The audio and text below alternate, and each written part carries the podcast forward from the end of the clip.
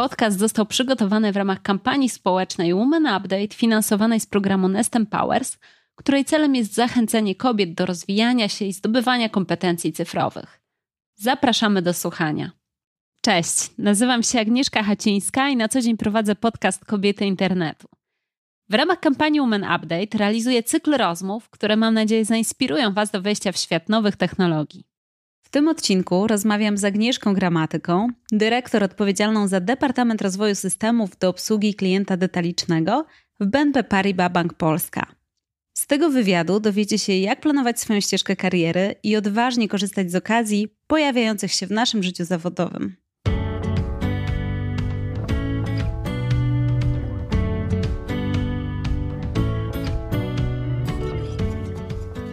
Pracujesz w obszarze IT, w strukturach banku, ale nie zawsze tak było. Dokładnie, nie zawsze tak było, bo zaczynałam zupełnie w innym obszarze. Tak naprawdę startowałam w biznesie i to było zawsze moje marzenie jeszcze z czasów studiów. I zawsze chciałam pracować w jakiejś dynamicznej branży i zawsze mi się wydawało, że biznes y, taką jest, więc wdrażałam nowe produkty, robiłam biznes case, pracowałam z bardzo różnymi działami ale wszystko kiedyś się nudzi, tak? Więc y, kiedyś postanowiłam poszukać nowych wrażeń. I cóż, znalazłam inne ogłoszenie w banku. Śmiesznie nazywał zespół nowych produktów, ale było to coś zupełnie nowego i okazało się, że jest to bliżej branży IT. Początkowo wydawała mi się zupełnie, tak jak powiedziałeś, no dosyć nudna i niedynamiczna, ale już bardziej mylnego, tak? Ta, ta dynamika branży IT idzie cały czas naprzód, cały czas się zmienia gdzie wymagane jest bardzo holistyczne spojrzenie na całość. Jest to branża niesamowicie odpowiedzialna. I w takiej branży się właśnie znalazłam. A co to było za stanowisko, to które Cię zainteresowało i sprawiło, że porzuciłaś rozwijanie nowych produktów, a zaczęłaś zajmować się czymś zupełnie innym? Zresztą to też było stanowisko, dokładnie nawet brzmiało specjalista do spraw nowych produktów. Było w innym banku, więc pomyślałam sobie zupełnie nowe środowisko, nowe szanse, nowe wyzwania. I w trakcie rozmowy rekrutacyjnej wiedziałam, że dotyka zupełnie nowych obszarów, bo dotyka IT. Ja do tej pory pracowałam w twardym biznesie. Teraz no, było coś nowego, ja zresztą bardzo nowości zawsze lubiłam. Dla mnie to jest to, co mnie kręci, co mnie zawsze inspiruje.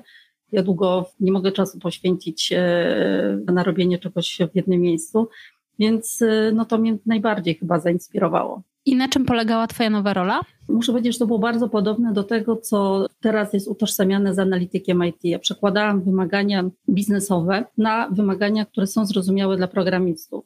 Więc no tu mi też bardzo pomogło to, że e, ten biznes znałam, ja ten biznes rozumiałam, było łatwo mi się z nimi komunikować i wchodziłam w świat w IT, który z jednej strony nie był łatwy, tak, bo to były zupełnie nowe pojęcia, nowy obszar, nowy sposób pracy, ale też e, ta komunikacja z ludźmi mi bardzo pomogła. I to było właśnie to, co było też e, coś zupełnie nowego, coś zupełnie odmiennego.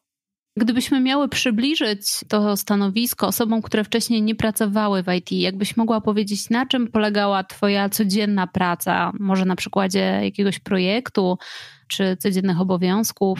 No wtedy ja dokładnie musiałam dowiedzieć się, czego biznes oczekuje. Czyli nie wiem, jak było to wdrożenie nowego produktu, przypadkowo był to, nie wiem, pakiet dla osób małoletnich musiałam się dowiedzieć, jakie parametry ten produkt musi mieć, jakie ceny, jaki proces kryje się za tym produktem, czyli jak go sprzedać, jak go obsłużyć, jaki jest rynek docelowy.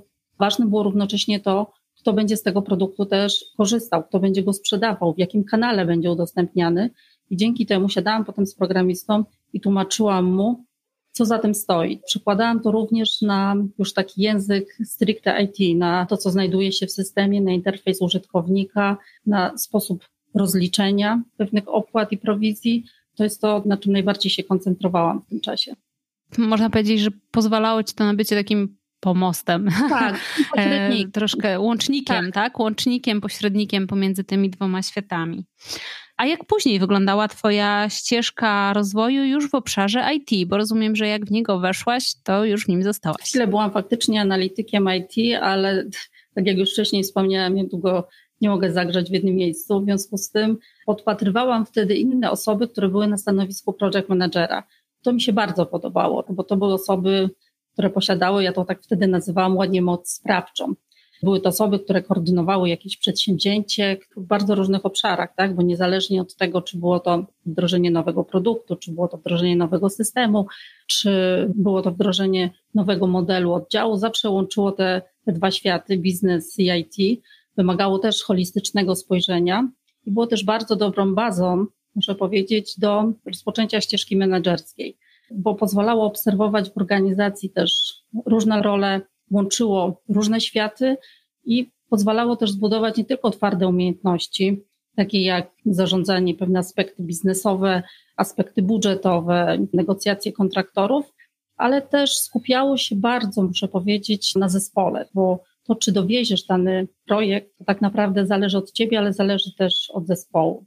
Ty jesteś jego liderem, ty jesteś jego mentorem, ty jesteś no, jego coachem. I, I to było też takim przednóżkiem, takim wstępem do rozpoczęcia mojej kariery menedżerskiej, właśnie w IT.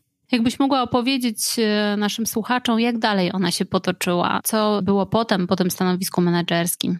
Jak już byłam project managerem, to miałam to szczęście, że ja zawsze miałam cudownych szefów. To oni zawsze mnie dostrzegali, zawsze dawali mi szansę, zawsze chcieli, żebym poszerzała swoje kompetencje i zaoferowano mi stanowisko, wtedy to było stanowisko menedżerskie dyrektora, który zarządzał obszarem analityków biznesowych. I w ten świat funkcjonalności weszłam. Byłam w nim przez kilka lat. Było to ciekawe, ale wtedy jeszcze nie pracowaliśmy w zespołach crossfunkcjonalnych. Wtedy świat toczył się bardzo waterfallowo, kaskadowo. Projekty realizowały się w zupełnie inny sposób. I mimo tego, że dowoziliśmy na przykład z programistami, z administratorami ten sam produkt na koniec, to cele mieliśmy inne. To często powodowało jakieś frustracje i nie do końca y, działało to tak, jak powinno. I wtedy większość organizacji zaczęła wchodzić w świat metodyk zwinnych i też również w naszej organizacji to się pojawiło. I cóż, i wtedy powstawały zespoły crossfunkcjonalne i miałam tą przyjemność z takimi zespołami pracować. Mhm, powiedzmy może w tym miejscu, co to jest zespół e, crossfunkcjonalny i na Twoim przykładzie, czym może się zajmować w ramach na mhm. przykład struktury banku? Takie zespoły crossfunkcjonalne są kompletne, czyli doważą cały produkt, posiadają wszystkie role, zarówno role analityczne, jak i role programistów, administratorów, którzy nie tyle wdrażają też rozwiązanie na samą produkcję, ale też równocześnie koncentrują się na weryfikacji poprawności działania tych systemów już na środowisku produkcyjnym. Ja właśnie taki zespół objęłam i wyszłam w świat zupełnie nowych technologii. Właściwie Agile ma bardzo różne definicje, ale dla mnie taką kluczową rzeczą to jest przede wszystkim kultura pracy.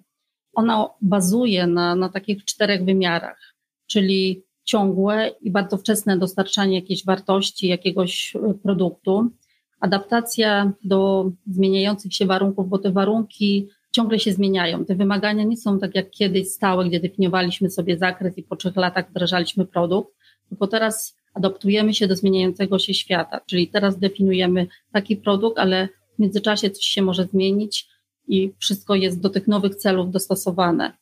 Samoorganizacja, czyli kładzie się bardzo duży nacisk, aby zespoły się samoorganizowały, żeby nie było już tego jednego lidera, który definiuje pracę, odbiera pracę, to zespoły definiują sobie cel, product owner wskazuje to, co chce osiągnąć i zespoły samoorganizują się, żeby ten cel dowieść. Dlatego też tak ważna jest y, współpraca i ciągłe ulepszanie. Continuous improvement jest bardzo dużą wartością. Nigdy nie ma tak, że jesteśmy już najlepsi, że osiągnęliśmy górną granicę.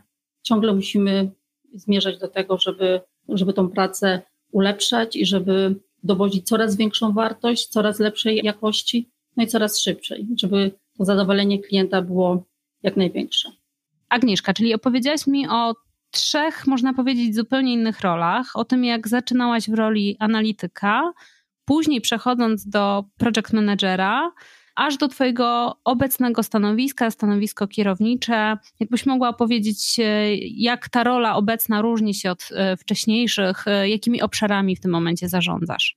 Ta rola koncentruje się już teraz na ukierunkowaniu, wyznaczaniu kierunków, zmian i usprawnień w zakresie właśnie tych systemów, o których wspomniałam decyduje zarówno oprócz organizacji takich codziennych spraw związanych z organizacją pracy zespołów, rozwojem zespołu, organizacją ich pracy, to przede wszystkim jest wyznaczanie kierunków zmian, usprawnień, w zakresie tych systemów, tak żebyśmy dostarczali coraz większą wartość, coraz szybciej i coraz lepszej jakości, tak? Oczywiście, aby to osiągnąć, to jest e, szereg spotkań, to jest szereg warsztatów, to jest szereg uzgodnień z innymi menadżerami, to jest szereg też pracy indywidualnych z zespołem, ale to też jest samorozwój i udział w szeregu konferencjach, spotkaniach branżowych, to jest też networking z innymi menadżerami z innych jednostek, aby nie wyważać tych samych drzwi powtórnie, tylko sprawdzać, jak pewne rozwiązania sprawdziły się też w innych organizacjach. Agnieszka, trzy zupełnie różne role, też na różnych etapach oczywiście Twojej ścieżki zawodowej.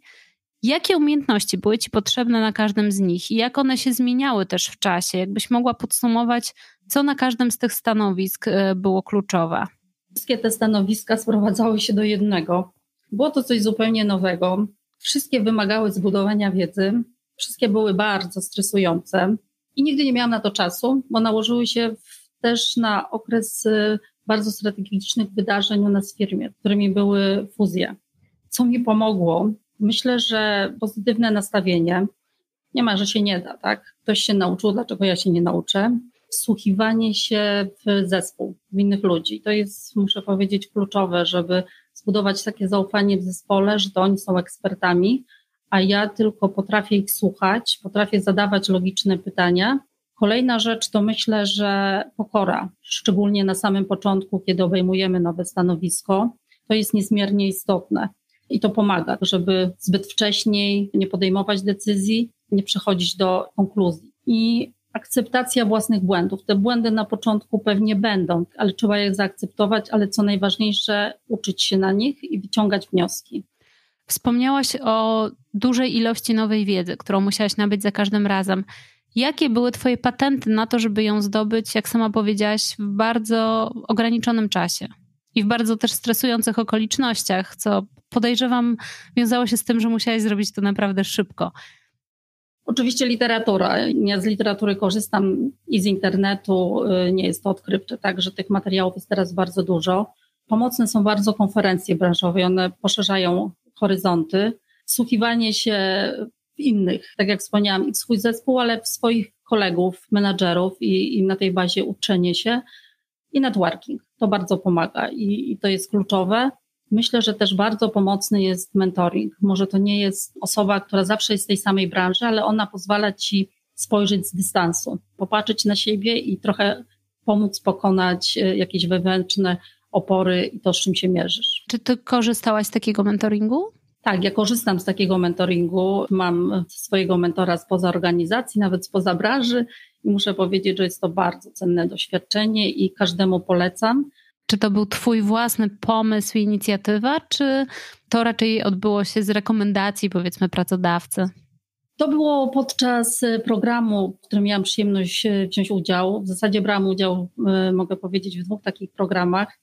Jeden to był program Women in Business, który był organizowany przez naszą grupę BNP w Paryżu, gdzie zjechało się 20 kobiet y, z całego świata, y, z całego globu, muszę powiedzieć, i wszystkie kobiety pracowały w różnych branżach, oczywiście u nas w banku, ale i w ryzyku i w IT.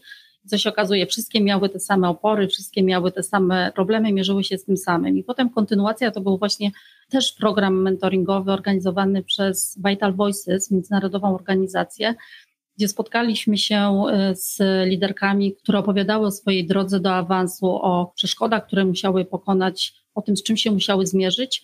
I właśnie na bazie tego kojarzone były pary menti-mentor. I ja taką mentorkę otrzymałam, jestem bardzo wdzięczna. Do tej pory mamy kontakt i do tej pory wspólnie pracujemy. Jak znaleźć mentora dla siebie, skoro to jest rozwiązanie, które rekomendujesz? Myślę, że są dwa źródła. Albo można poprosić bezpośrednio w swoim dziale personalnym, w HR-ach, o znalezienie takiej osoby, powiedzieć, z czym się mierzymy, co chcemy osiągnąć, albo czasami po prostu korzystać z chwili i jeżeli wiemy, że taka osoba istnieje, to po prostu się nie bać, tak? I poprosić o taki mentoring, w zależności od tego, jakie to jest stanowisko, czy członka zarządu, czy jednego z dyrektorów.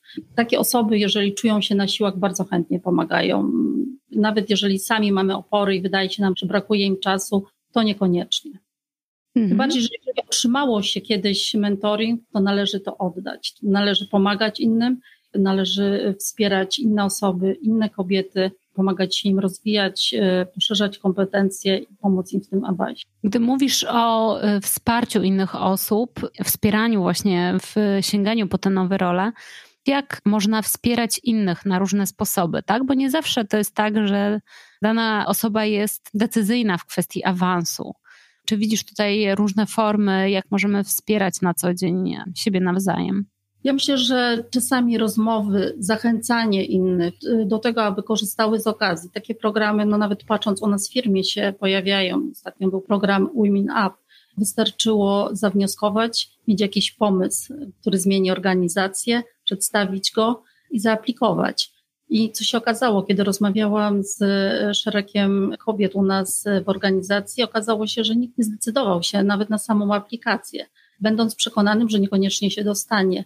Więc z takich okazji trzeba korzystać na pewno i, i zachęcać. Myślę, że zachęcać inne kobiety.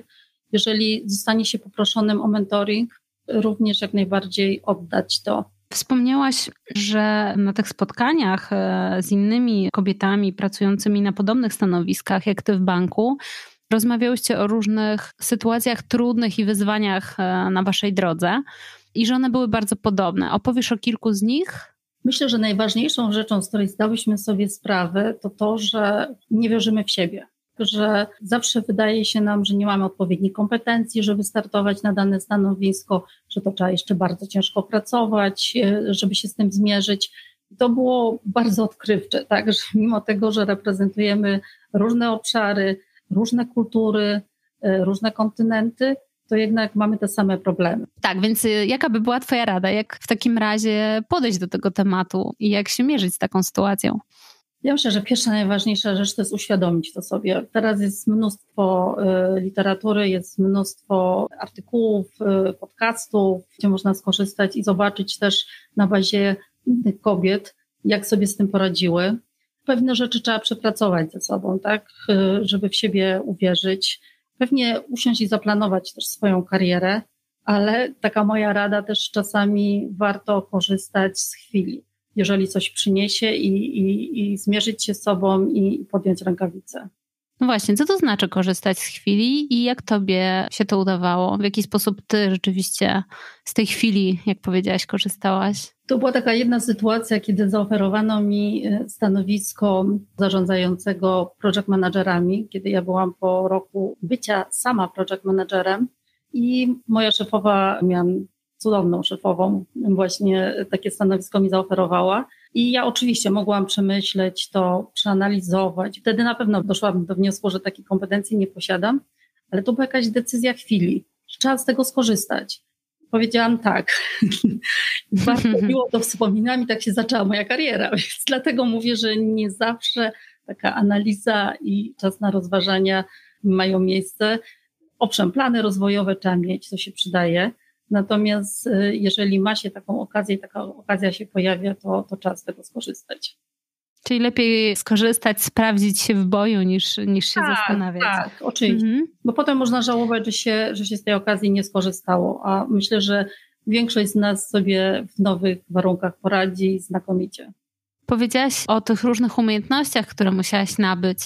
Gdyby ktoś z osób, które nas słuchają, myślał teraz o zmianie branży i rozpoczęciu przygody w Twoim zawodzie, chociażby od roli analityka, według Ciebie na jakiego typu kompetencje, umiejętności powinien zwrócić uwagę? Być może jest coś, e, czego warto się uczyć już teraz przed zmianą pracy czy branży? To zależy oczywiście, w jakiej roli się pojawimy, bo ta branża IT staje się coraz bardziej taka holistyczna, aczkolwiek wiadomo, że jak wkraczamy e, w rolę ekspertów, danej technologii, to znajomość tej technologii jest y, nieunikniona.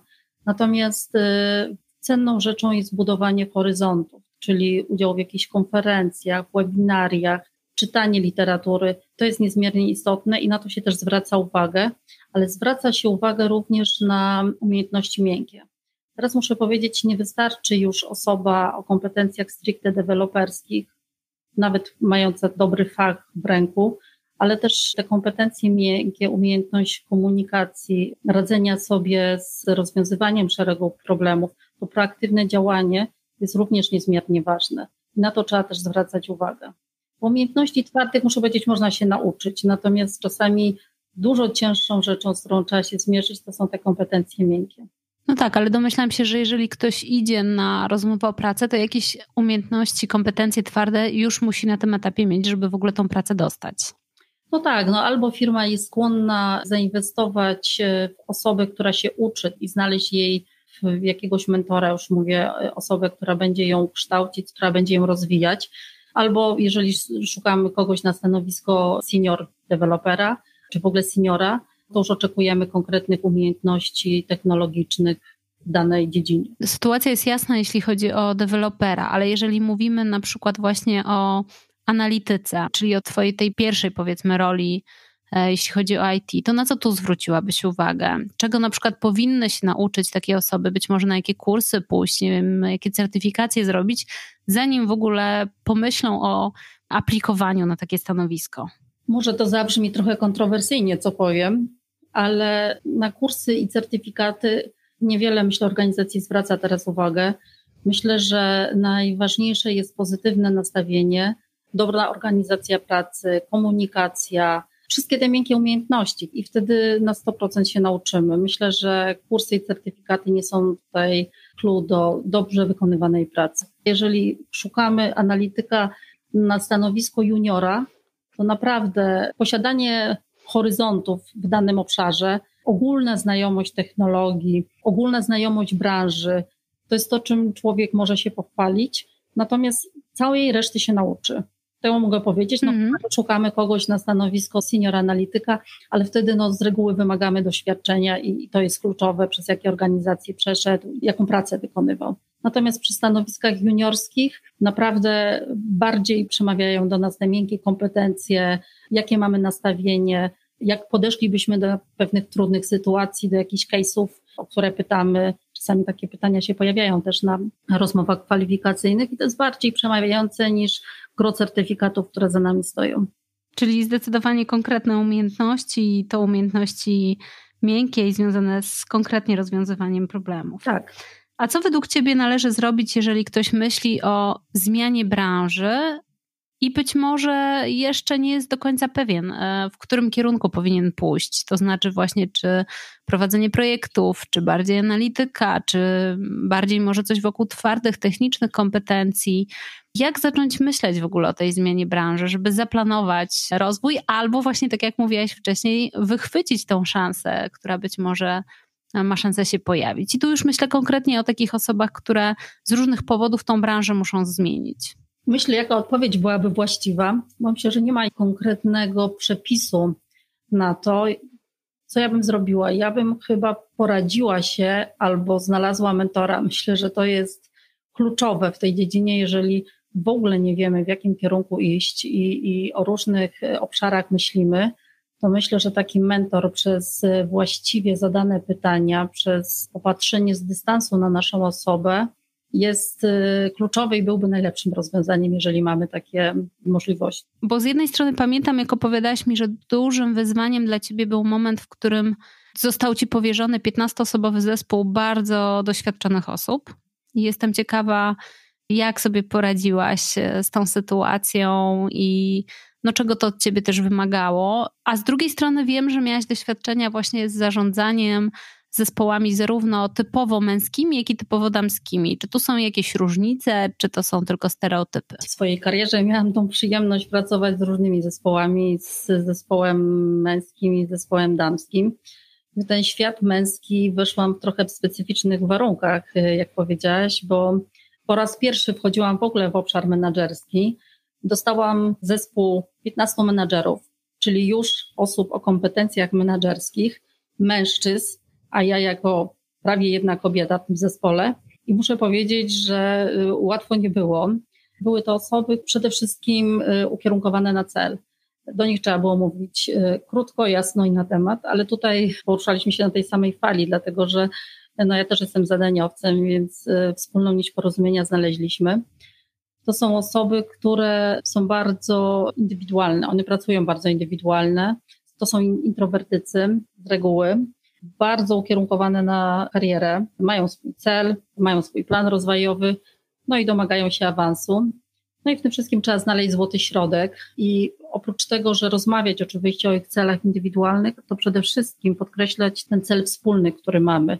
No bo tylko wtedy dowiezie się cel globalny. Wtedy mieliśmy integrację w firmie z innym bankiem i to był ten cel, który wspólnie musieliśmy zrealizować. I o tym celu trzeba bardzo dużo mówić i to się udało. Ja zresztą bardzo miło wspominam ten okres, e, kiedy razem pracowaliśmy. A dla Ciebie to było wymagające głównie e, z jakich powodów? No na początku było wymagające, bo ja musiałam w pewien sposób zbudować jakiś autorytet w tym zespole i sprawić, żeby mnie zaakceptowali.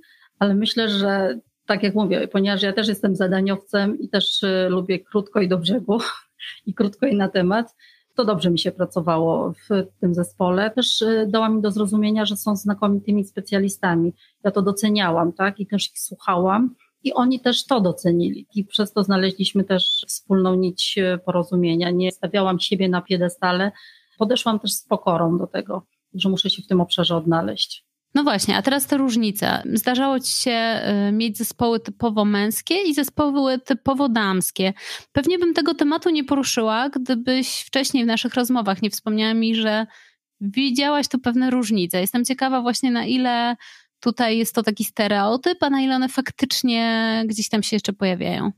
To jest zupełnie inny zespół. Jak wkroczyłam zespół y, y, złożony z kobiet, to co się okazało, to jest zespół zbudowany na relacjach i do tych relacji przywiązujący niesamowitą wagę.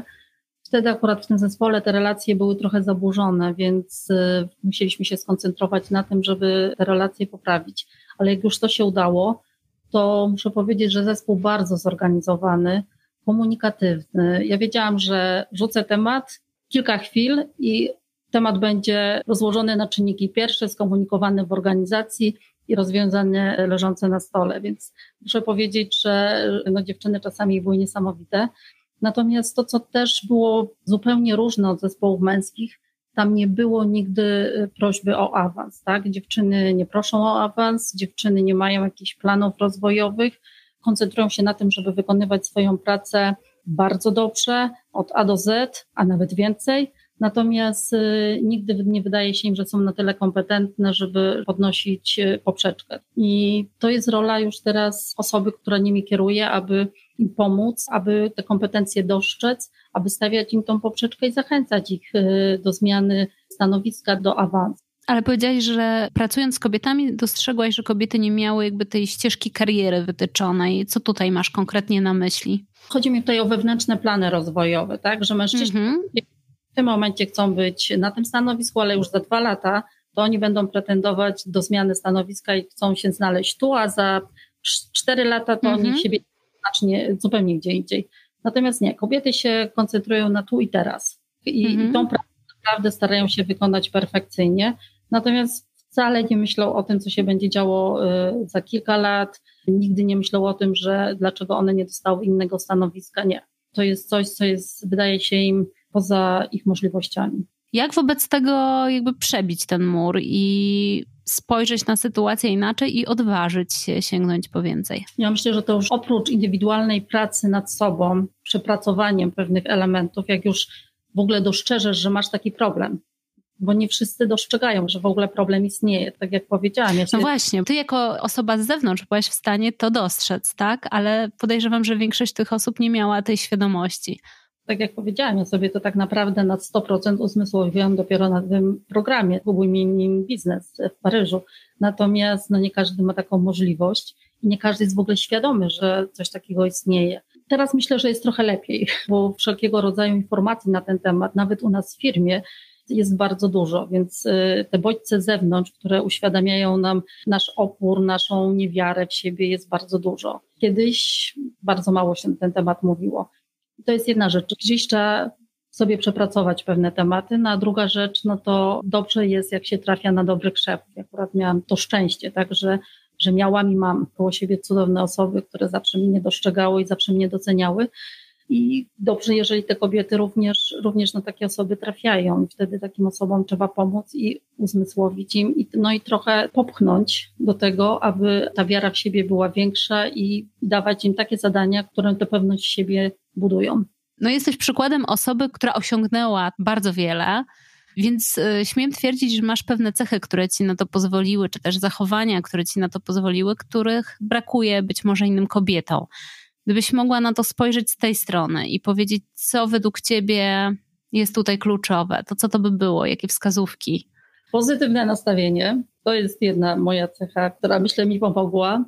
Lubię rzeczy nowe. Ja nigdy nie spędzam czasu długo w jednym miejscu i nie zagrzeję długo w jednym miejscu. Dobra komunikacja z innymi.